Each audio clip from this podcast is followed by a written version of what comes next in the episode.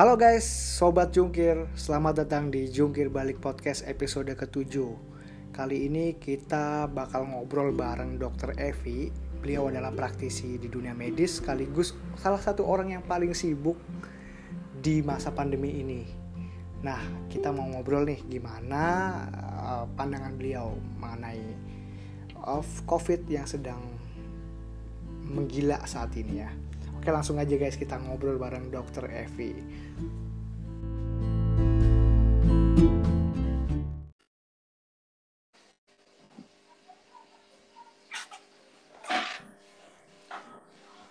Halo. Halo.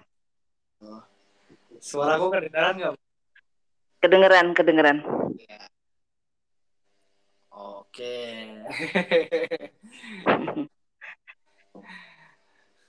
Apa kabar Fahmi? Baik, Evi. Ya, Mbak Evi apa kabar nih? Ya sehat lah sampai saat ini. Sehat ya. Kayaknya nih kalau aku lihat Mbak Evi ini berjuang terus ya selama masa pandemi ini. Sibuk banget. ya sebenarnya kan memang semua nakes yang memang harus begitu ya, tapi kayaknya khususnya saya memang agak sedikit mungkin orang sampai bosen kali ya lihat status-status saya, semua hmm. lihat tulisan saya gitu. Tapi memang ya itu harus saya lakukan gitu meskipun banyak juga yang bilang nulis lainnya bisa nggak sih gitu. Itu kan bikin bikin saya takut, bikin apa namanya, bikin imun turun dan lain-lain gitu. Masih banyak yang yang mengatakan begitu, tetapi ya sudahlah maju tak gentar aja. Oh gitu, sampai ada yang merespon kayak gitu ya? Banyak gitu. Jadi sebenarnya kalau kita mendalami sebenarnya masyarakat itu macam-macam sih Fami dalam merespon terjadinya pandemi ini. Sebagian ada yang memang dia respect uh, senang ya dengan saya selalu share tentang postingan-postingan COVID itu senang karena ada info-info terbaru. Tapi ada juga yang mungkin udah bosen gitu. Ada juga yang justru malah dia menolak gitu secara halus bahwa nggak usah deh nge-share itu lagi. Nanti kalau uh, nakut-nakutin aja gitu. Jadi nanti malah kalau takut imun turun malah ketularan gitu. Ya sudah kalau udah udah menolak seperti itu biasanya sih saya nggak nggak share lagi. Tetapi saya akan tetap share untuk semua aja ya semua masyarakat supaya mereka itu aware gitu loh bahwa covid ini ada gitu. Dan hmm. uh, saya sebagai nakes kan setiap saat ketemu pasien yang sakit covid. Kebetulan juga kemarin ayah saya juga kena covid dan pas di posisi lagi booming-boomingnya kasus pada saat kita nyari rumah sakit nggak bisa itu pas saya kita juga kena itu ya. Hmm, oke okay, oke. Okay. Berarti ya sebenarnya tujuan Mbak Evi itu sharingnya biar ya masyarakat lebih waspada gitu ya Mbak sebenarnya ya. Iya. Responnya tuh kayak ketakutan malah justru. Ya, jadi macam-macam. Nah, kebetulan karena saya juga siaran di radio, saya juga hmm. gunakan media radio juga untuk memberikan edukasi pada masyarakat gitu. Jadi ya sudah semua saluran kupakai gitu dari sosial media, dari radio, kemudian dari apa ya, dari langsung ya ketemu langsung dengan pasien, kemudian ketemu dengan orang-orang tertentu ya udah semua aku gunakan untuk edukasi gitu. Jadi ya sedikit agak uh, cuek aja biarin orang mau bilang bosen pokoknya aku ngomong gitu hmm, oke okay. ya kalau kalau saya sih ya mbak mungkin ngelihat fenomena ini masyarakat mungkin merasa bahwa apa ya mereka tuh sebenarnya takut sama covid tapi bosannya tuh mungkin karena ada kebijakan beberapa kebijakan yang mungkin mereka kurang puas mungkin gitu ya kalau ya dari kacamata Mbak Evi sebagai tenaga medis gimana nih menanggapi hal seperti itu misalnya? Ya sebenarnya sih uh, saya sebagai dokter juga ngerti ya, paham deh bahwa yang namanya lockdown, yang namanya PSBB, yang namanya PPKM itu impactnya pasti tidak hanya di kesehatan, tapi di, di sosial, kemasyarakatan, di ekonomi itu pasti deh. Berkali-kali saya selalu bilang kita tidak akan melarang jualan. Kalian jualan jualan aja terus. Kalian berdagang berdagang aja terus gitu. Yang jadi masalah kan sebenarnya bukan masalah kalian berdagang tapi protokol kesehatannya itu loh gitu. Jadi hmm. kalau misalnya mereka itu eh, berdagang, buka restoran, kafe dan lain-lain dan dan dia protokol ketat sekali dalam artian mereka menerapkan ya protokol kesehatan dengan yang seharusnya karena selama ini yang saya lihat kata protokol kesehatan itu hanya lip sync semata gitu. Jadi hmm. tiap kali ada kegiatan dengan protokol kesehatan, dengan protokol kesehatan, tapi seperti apa ternyata di di dalam kenyataannya itu tidak dijalankan gitu. Jadi kita masih melihat banyak sekali orang yang nongkrong bareng-bareng gitu ya. Dan uh, sebenarnya sih kita kan selalu sampaikan juga bahwa kalian memakan bersama kalau itu satu rumah is okay lah masih bisa dimengerti. Tapi kalau udah dengan lain rumah, walaupun itu saudara sendiri, orang tua sendiri, ini juga ada resikonya. Dengan satu rumah aja ada resikonya kan. Misalnya bapak saya sudah lansia, nggak ke mana-mana dia, nggak bisa ke mana-mana. Tetapi anaknya, cucunya kan keluar masuk rumah, dia juga interaksi dengan banyak orang, kemungkinan dia membawa pulang virus, dan kebetulan karena cucunya, anaknya itu masih muda, daya tahan tubuhnya bagus, dia nggak muncul gejala gitu tetapi dia hmm. bisa menularkan nah ini yang yang yang orang Bahaya. sering ya sering apa ya tidak paham hal ini hmm. gitu dan ini kemudian memunculkan fenomena klaster kantor klaster keluarga kayak gitu karena di kantor kan kebiasaan ya kita kalau jam 12 istirahat buat makan siang yeah. nah makan siang biasanya bareng-bareng kayak gitu nah kita kalau ngelihat orang yang namanya aja orang tanpa gejala gitu. Jadi memang nggak ada gejala sama sekali, orangnya juga nggak ngerasa, kita lihatnya fine fine deh sehat gitu. Tapi ternyata dia sudah ketularan virus gitu kan. Virus itu juga butuh waktu ya untuk bereplikasi. Jadi sekarang hmm. kemasukan virus itu butuh waktu untuk virus itu memperbanyak diri.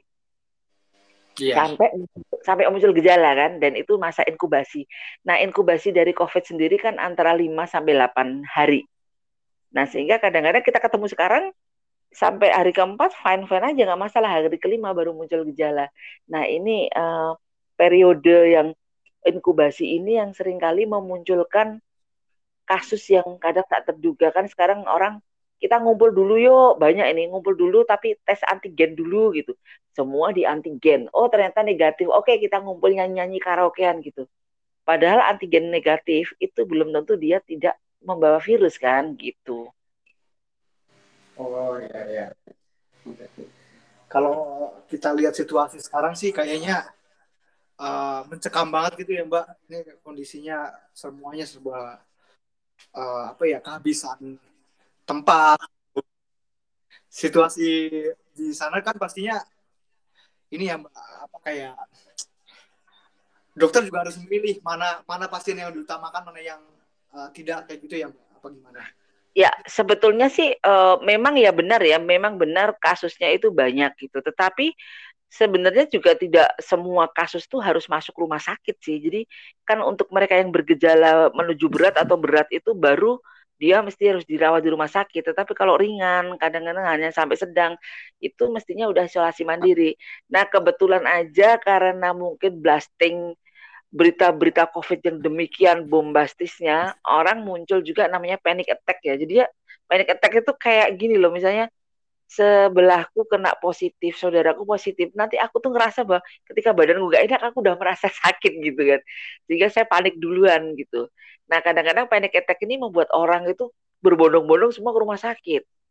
Ya itu kemudian uh, membuat mungkin bed rumah sakit juga menjadi menjadi uh, kurang gitu sehingga kalau rumah sakit sendiri sih ada ada protokolnya ya, mana yang harus dirawat inap, mana yang harus diisolasi mandiri seperti itu. Jadi kalau masyarakat ini sudah mulai memahami bahwa tidak semua kasus positif COVID itu harus opnam, mestinya juga tidak akan terjadi kekurangan bed yang demikian masifnya sebenarnya. Hmm, oke oke oke. Jadi uh, sekarang ya benar-benar mereka harus tahu ya bagaimana kondisinya ketika mereka udah kena nih misalnya kayak amit-amitnya ada orang sekitar kena uh, harus dilihat dulu ya gejalanya kira-kira perlu nggak dibawa rumah sakit kayak gitu? Kayak gitu ya mbak. Ya sebenarnya sih kalau saya lihat di sosial media itu hampir semua channel official ya dari Kemenkes, dari Satgas itu sudah ada gitu. Tetapi masyarakat mungkin kurang mengakses ya, kurang mengakses secara optimal informasi seperti ini gitu. Jadi dia uh, mungkin tidak tahu, mungkin tahu tapi mengabaikan kayak gitu. Nah, ini harusnya sudah untuk sosialisasi yang seperti ini itu mestinya udah melibatkan sampai ke aparat paling kecil ya tingkat RT kemudian bisa menggunakan karang taruna menggunakan remaja masjid atau apa pun ya anak-anak muda itu terutama influencer juga dia mesti harus di, diajak untuk bersama-sama mensosialisasikan ke masyarakat luas bagaimanapun caranya. Jadi di era yang serba digital kayak gini kan sosial media itu sangat sangat ampuh ya untuk menginfluence orang gitu. Nah, ini harusnya sudah mulai difikirkan untuk memberdayakan lah mereka-mereka yang anak muda itu untuk me, ini mensosialisasikan COVID ini seperti apa, gejala ringannya seperti apa, dan hal yang kayak apa sih kasusnya yang harus ke rumah sakit, mana yang tidak, kayak gitu. Dan uh, saya lihat sekarang ini, ini pemerintah juga sudah bagus, Kemenkes kemarin sudah sudah membuat kayak semacam channel untuk konsultasi ya hmm. mereka yang isoman gitu karena kan mereka yang isolasi mandiri kadang-kadang juga butuh informasi. Kalau saya gini, saya harus gimana ya? Saya kok hmm. semakin sesek, gimana cara mengetahui saya sesek atau tidak? Nah, ini mereka butuh dipandu gitu. Jadi saya rasa ini terobosannya udah udah banyak. Cuma untuk optimalisasi dari tugas satgas tingkat kecil itu mungkin belum optimal. Hmm, kayak ini ya, informasi sekaligus kalau misalnya ada konsultasi obat gitu ya bisa dapat gratis gitu ya, Mbak. Iya, kalau yang sekarang seperti itu gitu. Tetapi kan tidak semua orang bisa menjangkau kan, tidak semua hmm. orang menjangkau. Nah, juga uh, untuk masyarakat yang di bawah ya, di, di di tingkat bawah atau mungkin lansia lah katakanlah. Lansia sendiri kan sebetulnya dia juga mungkin belum familiar ya dengan aplikasi, belum familiar dengan yang namanya uh, konsultasi online dan lain-lain. Nah, ini kan tidak mudah mereka mengakses mengakses informasi gitu. Dan kan banyak lansia sekarang di rumah juga nggak ada nggak ada anaknya, anaknya pada di luar kota. Nah, ini juga perlu difikirkan juga gitu karena kebetulan hampir 50% lebih lah kasus yang kematian COVID ini menimpa usia lanjut gitu. Dan banyak usia lanjut sekarang ini kan di di tahun-tahun saat ini itu kan banyak lansia yang hanya hidup sendiri, kadang dengan suaminya, kadang hanya dengan pembantunya. Nah ini kan yang harus dijangkau oleh mereka-mereka yang ada di sekitarnya. Jadi peran dari masyarakat sendiri terhadap pemutusan rantai penularan ini cukup penting sebenarnya. Oke hmm, oke. Okay, okay. Kalau kita bicara saat ini nih, kita kayak merasa bahwa oh virus corona nih nambah terus mutasinya nih. Ada varian-varian baru, gak kan varian yang uh, di Indonesia ada ada sendiri gitu ya. Nah itu varian baru kenapa bisa sebanyak itu ya Mbak? Maksudnya kayak kan sebagai orang awam kurang paham gitu. Apakah varian ini memang benar lebih berbahaya atau enggak? Gitu? Ya, jadi virus ya, virus itu kan sebenarnya virus itu sangat rentan mati gitu. Virus itu kena sabun mati, kena sinar matahari mati, kena alkohol mati, kena hand sanitizer juga mati gitu ya ini sebetulnya rentan sekali virus. Nah, virus itu gampang mati gitu. Nah, virus ketika dari asalnya mungkin dari Cina, kemudian dia sampai ke Amerika, ke Eropa, ke Indonesia, mereka itu harus mempertahankan diri untuk tetap bisa hidup. Caranya dengan bermutasi. Bermutasi itu salah satu cara virus untuk mempertahankan dia untuk hidup kayak gitu kan.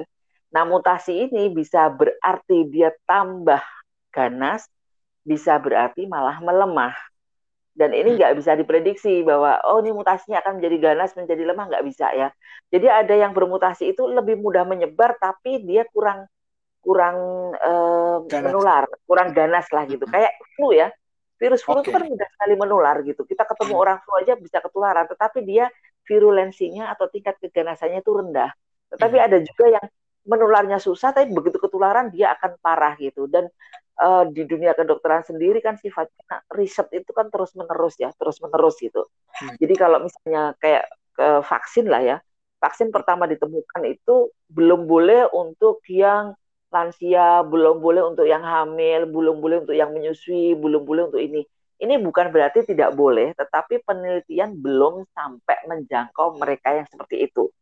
Nah, jadi di awal-awal dulu vaksin itu untuk yang sakit jantung pun kita harus hati hati, harus sakit gula juga mungkin belum boleh gitu.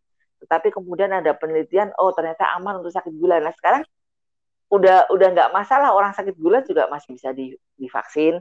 Kemudian orang menyusui sudah mulai divaksin dan sekarang ibu hamil juga sudah boleh divaksin gitu. Jadi saya hanya ingin menekankan bahwa penelitian di bidang kedokteran itu adalah ongoing research, dia akan terus-menerus dilakukan. Sehingga kadang-kadang yang tadinya nggak boleh terus sekarang boleh, yang tadinya boleh sekarang nggak boleh. Jadi bukan nilai mati ya kedokteran itu. Nah termasuk nanti uh, kayak kayak um, berapa varian yang masuk. Nah variannya juga nggak bisa diprediksi mau berapa kali variannya gitu, hmm. berapa macam yang masuk juga banyak sekali dan mana yang ganas mana yang tidak. Ini kan masih dalam penelitian terus menerus gitu. Tetapi mau sebanyak banyaknya varian sebenarnya untuk memutus rantai penularan, untuk menghindarkan kita dari ketularan itu sangat simpel. Sesimpel apa sih? Simpel sekali, hanya pakai masker, jaga jarak, sering cuci tangan, jangan berkerumun, jangan makan bersama. Kan simpel sekali, mudah dilakukan. Tetapi ini masyarakat sering nggak mau melakukan yang seperti ini, hmm. cenderung sampaikan gitu. Hmm, oke, okay, oke. Okay. Masyarakat cenderung kayak Iya mereka sebenarnya paham tapi capek mungkin ya mereka ya. Terus ini mbak uh, vaksin nih, pemerintah kan mungkin sekarang lagi mengencarkan vaksin dan mungkin uh, pun kewalahan ya mereka harus menghad- menghad- harus menangani yang terinfeksi dan harus juga target sekian sehari ada sekian yang harus divaksin kayak gitu. Nah, yeah. terus vaksin itu sebenarnya yang di Indonesia nih Sinovac sama satu lagi uh, AstraZeneca ya itu menurut Mbak ini seefektif apa sih kedua vaksin ini yang ada di Indonesia gitu? Ya sebetulnya uh, vaksin ya. Jadi ini vaksin ini juga banyak yang salah kaprah sih. Banyak sekali pertanyaan yang masuk ke saya. Ini hmm. vaksin gunanya apa sih? Udah divaksin masih masih terinfeksi kayak gitu. Mm -hmm. Sudah divaksin dua kali masih terinfeksi. Saya selalu sampaikan vaksin ini bukan untuk mencegah kita ketularan ya hmm. bukan untuk mencegah kita ketularan hmm. jadi meskipun sudah divaksin masih bisa ketularan kan nggak mungkin ya namanya covid tuh mau menginfeksi Fahmi ah nggak jadi ah karena udah divaksin nggak mungkin lah pokoknya okay. butuh masuk masuk aja gitu hmm. cuma uh, vaksin ini ketika disuntikkan ke badan kita itu akan merangsang sistem imun untuk untuk membentuk antibodi ya. Sekarang pakai cerita yang mungkin lebih mudahnya dimengerti begini. Jadi sistem imun kita itu kan sangat rumit ya, sangat lengkap lah gitu. Kalau hmm. kita kita ibaratkan sistem imun kita itu kayak tentara, tentara yang melindungi negara, melindungi badan kita virus ini adalah musuh, nah tentara ini kalau tidak dikenalkan bahwa virus yang bentuknya kayak gini itu adalah musuh, dia nyantai gitu. Ya udah silahkan aja masuk monggo gitu kan. Nah, akibatnya badan menjadi uh, rusak gitu. Tetapi dengan diberikan vaksin kayak hmm. vaksin Sinovac ya, vaksin yeah. Sinovac ini isinya kan virus COVID yang sudah dimatikan ya. Hmm. Udah dimatikan tetapi bentuknya itu masih utuh. Oh, kepalanya kayak gini, kakinya kayak gini lah, ekornya kayak gini lah gitu. Hmm. Nah, sehingga ketika dimasukkan ke dalam tubuh yang namanya sistem imun ini akan merekam, yang merekam namanya sel memori, akan merekam. Oh, kalau bentuknya kayak gitu, itu COVID. Berarti itu bahaya bagi tubuh, berarti harus segera saya hancurkan. Nah, membentuklah dia antibodi untuk menyerang virus kalau ada virus seperti itu masuk. Nah, sehingga nanti kalau setelah vaksin, jadi sel memori ini tidak akan hilang, dia menyimpan menyimpan informasinya tuh kayak komputer nggak hilang gitu. Jadi hmm. begitu nanti kemasukan virus lagi, ini sudah siap. Oh, itu kok kayak COVID yang kemarin yang masuk. Oke, kita serang gitu. Hmm. Nah, sehingga kalau mereka yang sudah mendapatkan vaksin begitu terinfeksi, bisa terinfeksi, tetapi komplikasi yang muncul menjadi lebih ringan. Beda kalau belum divaksin. Seperti itu. Nah, kemudian uh, ada yang bilang, bisa nggak saya terinfeksi dari kok dari vaksin? Nggak bisa, karena vaksin ini isinya bukan virus yang hidup. Jadi kalau misalnya habis divaksin kok terinfeksi, itu jelas bukan dari vaksin. Tapi mungkin saja dia terinfeksi setelah vaksin atau sebelum vaksin. Kan tadi ada masa inkubasi kan. 5 sampai 8 hari kan. Nah, itu jadi mungkin sebelum vaksin dia sudah ketularan lebih dulu itu. Hmm, oke okay, oke. Okay. Jadi uh, vaksin ini sebenarnya mengurangi ya, mengurangi uh, gejala yang mengurangi ya mengurangi komplikasi, mengurangi angka kesakitan dan mengurangi angka kematian itu. Hmm. Tapi mungkin masih bisa uh, masih bisa sampai yang meninggal gak sih kalau udah divaksin gitu, Mbak? ya, bisa aja. Kali bisa muncul aja. isu seperti itu juga kan?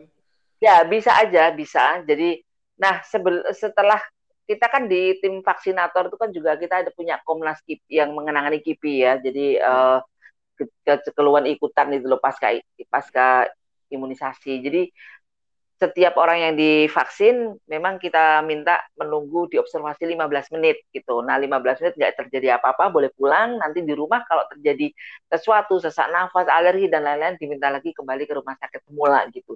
Nanti itu pun kita akan laporkan, kita akan analisis gitu ya. Jadi bukan berarti kemarin kan banyak sekali dibombardir berita wah habis divaksin meninggal kena serangan jantung. Hmm. Nah ini kan uh, ya biasa media masyarakat menerima lebih cepat gitu. Padahal kan kita mesti harus analisis benar kita cek betul. betul apakah betul karena vaksin atau bukan gitu ya. Hmm. dan uh, apakah ini masih bisa ketularan sampai berat? Ya bisa aja gitu. Namanya juga uh, tubuh manusia itu berbeda-beda gitu ya. Berbeda-bedanya gimana? Jadi untuk yang sudah divaksin sama-sama divaksin sama-sama vaksinnya tapi daya tahan tubuh kita kan berbeda-beda ya. Daya tahan tubuhnya Fahmi lebih mudah dari saya ya berarti daya tahan tubuhnya lebih bagus gitu. Kalau sakit pun mungkin lebih cepat sembuh dibandingkan saya misalnya kayak gitu. Belum lagi kalau mereka yang terbiasa lifestyle-nya kurang bagus ya kalau terinfeksi menjadi ini menjadi kurang kurang optimal daya tahan tubuhnya sehingga kan selalu kita, uh, eh, kita sampaikan juga bahwa daya tahan tubuh ini benteng terakhir ya benteng hmm. terakhir jadi kalau misalnya ada kita benteng pertama apa sih oh ternyata kita pakai masker pakai masker masih masuk ya kemudian uh, nanti ada sistem imun yang dia bisa menyerang masih aja uh, bergejala menimbulkan kerusakan. Nah, yang terakhir benteng terakhir adalah daya tahan tubuh. Sehingga sangat pentingnya kita itu menjaga daya tahan tubuh kita supaya kuat terhadap gempuran berbagai penyakit gitu. Hmm, oke okay, oke. Okay. Terakhir ya berarti gaya tahan tubuh gitu ya. Kalau ini Mbak, uh, misalnya penyakit bawaan yang paling parah itu yang paling beresiko untuk bisa uh, menuju kematian sampai meninggal gitu mbak. Apabila terkena covid itu biasanya penyakit bawaan apa aja mbak kira-kira? Secara spesifik sih secara spesifik uh, tidak bisa dikatakan bahwa kalau yang sakit jantung itu lebih parah daripada yang kanker. Yang kanker lebih parah sampai gula enggak juga gitu. Karena hmm. ada juga orang yang sakit kanker kena COVID dia masih survive. Kemarin ada saudara yang mungkin fungsi jantungnya tinggal 20% kena okay. kena apa namanya? Uh, kena COVID juga masih survive. Tapi ada juga anak muda yang nggak punya komorbid dia malah meninggal gitu. Jadi uh, meninggal tidaknya seseorang karena COVID itu bukan semata-mata dari ada tidaknya komorbid aja gitu, tapi hmm. mungkin dari daya tahan tubuh atau bahkan kadang-kadang ya yang yang lebih sering itu kan gini Fahmi ngerti nggak punya komorbid apa? Nggak ngerti kan? Iya iya. Nggak ngerti. Kenapa? Karena saya merasa sehat saya nggak pernah periksa jadi saya nggak ngerti. Iya. Nah, nggak punya komorbid itu beda dengan tidak tahu punya komorbid apa tidak gitu. Kadang-kadang e, begitu mau vaksin kita tensi baru ketahuan kalau hipertensi. Padahal seumur hidup dia merasa fine sehat nggak ada iya, keluhan. hmm. tensinya tinggi kayak gitu. Jadi uh, tidak bisa dikatakan oh kalau sakit ini lebih parah, kalau ini lebih ringan. Nggak bisa semuanya tergantung dari multifaktor ya, dari klinisnya orangnya sendiri, dari derajat sakitnya, dari daya tahan tubuhnya, kayak gitu. Ketambahan lagi dari ini juga, uh, kan ada ya dokter yang mungkin masih muda, dia menangani COVID, tiba-tiba meninggal. Ini juga tergantung dari berapa banyaknya sih virus yang ada di sekeliling dia gitu. Jadi kalau misalnya sama-sama vaksin, sama-sama menangani pasien yang satu kemasukan seribu virus, satu kemasukan dua virus, jelas akan berbeda hasilnya. Oh, itu jadi pengaruh dari banyaknya virus berarti juga ya? Iya, jadi uh, kalau katakanlah yang paling sering kita flu ya, kita flu. Hmm. Kita sama-sama Fahmi flu, saya ada di dekat kamu, temanmu ada di dekat kamu, ternyata kok aku flu ya temanmu enggak gitu. Nah, ternyata memang virus yang masuk ke tem temanku ke aku lebih banyak daripada ke temanmu. Kemudian daya tahan tubuh pada saat ada virus masuk itu kebetulan aku pas turun temanmu pas bagus. Nah hasilnya kan berbeda sama-sama ketemu yang infeksius tapi yang satu nggak apa-apa satu sakit. Gitu. Iya, oke. Berarti se ini itu ya, seganas itu ya kita harus tahu juga nih kayak penyakit bawaannya kita tuh apa kadang. Yang penting, ya, dan yang penting imunnya ya, jaga imun terus ya. Iya, yang penting memang jaga jaga imun itu yang paling penting karena benteng terakhir pertahanan kita terhadap semua infeksi. Oke. ya tuh teman-teman tuh harus tetap jaga imun. Uh, ini mungkin ya, kalau olahraga tuh penting banget ya Mbak, berarti ya. Iya, Betul, olahraga itu memang e, meningkatkan daya tahan tubuh ketika dilakukan pada saat badan sehat ya. Kalau badan lagi sakit itu jangan olahraga, nanti malah tambah sakit. Yang kedua, ternyata olahraga yang berat itu justru malah merugikan. Jadi bisa e, apa ya, jantung itu menjadi tidak tidak bagus. Jadi olahraga yang benar itu adalah yang sedang. Jadi bukan yang kurang olahraga atau malah berlebihan. Kalau berlebihan itu malah mengurangi umur. Hmm, oke okay, oke. Okay. Ya yang ringan-ringan aja ya kayak misalnya kayak lari, lari, lari-lari ringan aja gitu kayak. Ya, sebenarnya kalau masih anak muda sih eh, nggak masalah ya, tapi kalau mungkin usianya udah di atas 40 ini memang sebaiknya sebelum olahraga ini memang konsultasi dokter ini yang jarang dilakukan. Jadi kalau konsultasi dokter kan nanti dicek uh, kemampuan jantungnya seberapa. Nah, ternyata ibu ini tidak cocok kalau lari, jadi cukup jalan cepat aja. Oh, yang ini uh, mungkin lebih disarankan static cycle kayak gitu. Dan uh, kebiasaan kebiasaan konsultasi kepada dokter sebelum melakukan olahraga ini hampir nggak pernah di lakukan. Biasanya ikut-ikutan. Oh sekarang lagi musim goes, ayo goes yo rame-rame goes gitu. Tapi nanti kan ada kasus ya orang goes tiba-tiba meninggal mendadak kayak gitu karena dia tidak tahu sebetulnya dalam dirinya itu dia ada gangguan jantung apa enggak gitu. Kalau iya. ada gangguan jantung jelas nggak boleh lah goes rame-rame gitu. Karena yeah. kalau goes ya goes tuh mungkin berdua aja sama temen gitu yeah. supaya tidak tidak usah tidak usah cepet-cepetan, tidak usah jauh-jauhan lah gitu ya. Jadi begitu capek ya sudah pulang kayak gitu. Tetapi juga tidak saya sarankan kalau olahraga gue itu sendiri. Kalau terjadi apa-apa gak ada teman nanti. Ya. Mbak Evi sering gue juga berarti. Kenapa? Masih ada waktu untuk olahraga Mbak Evi di tengah-tengah kesibukan? Jujur setelah vaksin ini setelah COVID ini memang berkurang banyak sekali gitu karena kadang-kadang capek ya sehari itu vaksin target kita di target 100 orang kan. Wow. Bisa bayangkan toh. Bisa bayangkan bagaimana capeknya tapi ya ya bagaimana lagi gitu ini harus dilakukan dan kebetulan memang untuk saat ini di beberapa rumah sakit tenaga kesehatan kita sudah mulai berkurang karena ada yang terpapar lah ada yang isoman hmm. seperti itu jadi mereka yang masih belum terpapar harus membackup teman-temannya nah ini unik nih tenaga kesehatan yang mulai berkurang sempat muncul berita ini, Mbak. Uh, lulusan kedokteran di, diminta untuk dipercepat. Nah, itu kan ada ada pro kontra ada pro kontra juga ya. Maksudnya mereka apakah kompeten atau tidak untuk uh, menangani kasus-kasus penting seperti COVID kayak gini gitu. Menurut Mbak gimana nih? Kalau saya sih kontra ya. Saya pernah di Twitter itu, di Twitter ada siapa tuh menteri yang uh, ya ada mengusulkan lah itu dipercepat. ya langsung langsung saya quote tweet itu bahwa ini nggak benar gitu karena masalah ilmu itu kan masalah nyawa kedokteran Betul. gitu. Saya lebih setuju kalau untuk dokter-dokter ini yang belum belum lulus apa koas gitu ya, hmm. itu membantu untuk edukasi dan sosialisasi hmm. gitu. Mereka mungkin malah diharuskan aja untuk memberikan uh, konsultasi untuk mereka yang isoman. Kalau hal kayak gitu kan sebenarnya gampang gitu ya. Kemudian juga edukasi. Nah, itu kalau itu aku setuju gitu. Jadi mengurangi beban kita juga dan membantu kan membantu mensosialisasikan seperti apa sih yang namanya COVID, kemudian juga meringankan beban nakes juga dengan memberikan konsultasi secara uh, daring kepada mereka yang isoman gitu. Kalau dipercepat ya saya sih termasuk yang kontra gitu. Itu Mbak Evi juga sempat ini ya, uh, apa bikin quote itu juga ya? Ya, kebetulan ya karena aku juga aktif di Twitter kan jadi memang ya. ya itu makanya kan saya bilang saya optimalkan semua sosmed saya gitu. Nah, terserah orang mau bilang apa, pokoknya ngomong. Iya betul ya, edukasi. Yang penting tujuannya edukasi orang. Iya, iya betul, betul. Mungkin ini Mbak terakhir nih.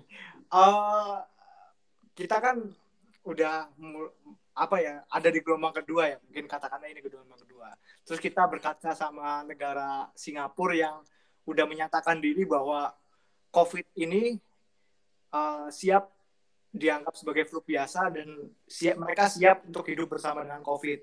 Nah terus kalau Indonesia kondisinya ya amit-amitnya seperti ini terus apakah ke depannya kita bisa menyatakan seperti itu juga mbak?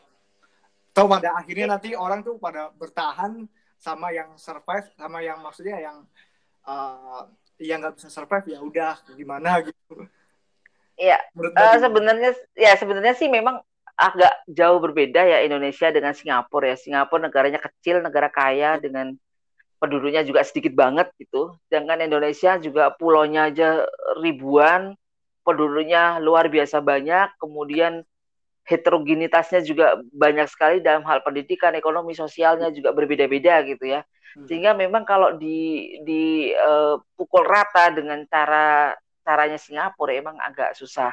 Tetapi hmm. kalau misalnya ini kita mesti harus hidup bersama, ya kalau itu memang nggak hilang-hilang, ya nggak hilang-hilang virusnya hmm. ada terus, hmm. kita kan juga tidak bisa menghindari. Satu-satunya yeah. itu memang kita adalah bagaimana mencari strategi menghadapi uh, virus yang seperti ini. Salah satunya kan memang kita harus membiasakan dengan kehidupan yang baru ya. Sekarang kan yeah. virus COVID ini betul-betul merubah semua sisi kehidupan gitu. Jadi uh, kita nggak boleh bersalaman, kita hmm. pakai masker gitu. Ya hmm. kalau memang itu yang akan terjadi, ya apa boleh buat masyarakat itu harus ya, bisa menerima bahwa itu yang harus dilakukan gitu ya. Jadi yeah. Yeah. ya karena memang akan berbeda kayak kalau saya bilang sih penyakitnya Singapura sama Indonesia itu kan berbeda ya.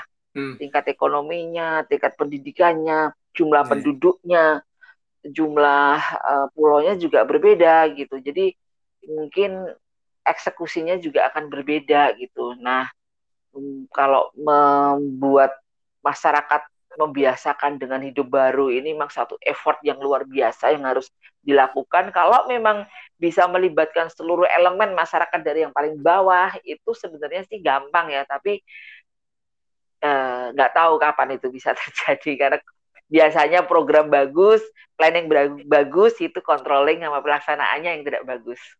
Iya, iya itu uh, apa ya? Kayak penyakit lama yang ada di Indonesia sih, mbak. Lebih lama deh. Penyakit yang susah juga itu emang untuk orang Indonesia. Iya, sebetulnya sebetulnya kan penyakit banyak ya yang jadi endemis gitu ya. Jadi kayak Indonesia itu dikenal sebagai negara endemis malaria. Tapi uh, kita juga nggak pernah malaria itu pun kalau kita kena juga kadang bisa membuat kematian atau karena eh, TBC ya. TBC itu kan penyakit mematikan juga mudah menular juga.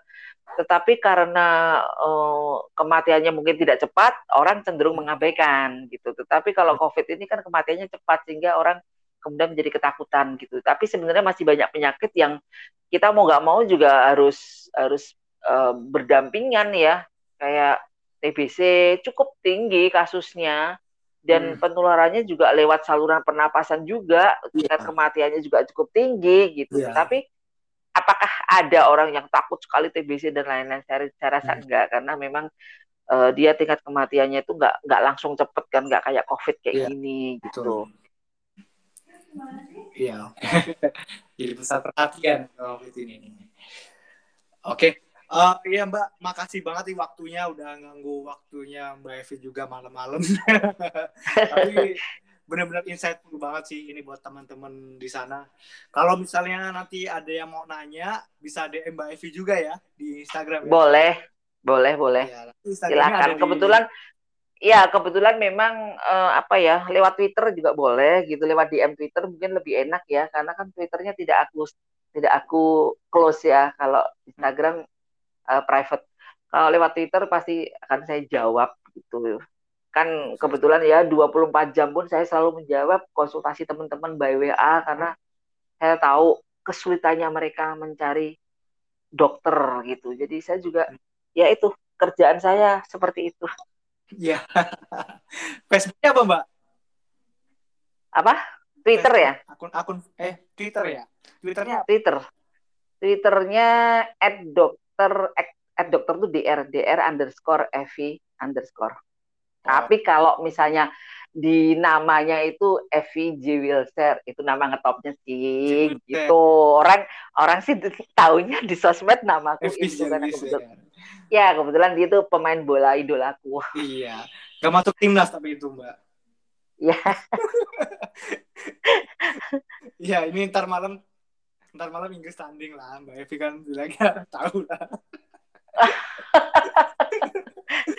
iya Oke. Iya, oke. Makasih banget Mbak waktunya. Ya. Ya, uh, ya semoga uh, Tuhan membalas inilah kebaikannya Mbak Evi selalu. Amin. Uh, ya, jaga kesehatan ya. Akad yang sedang uh, sakit atau segala macam ya, tetap diberi kesehatan juga ya. Amin. Jaga kesehatan Fahmi ya. Iya, amin. Ya, makasih. ya. Oke, Mbak, selamat malam. Selamat malam.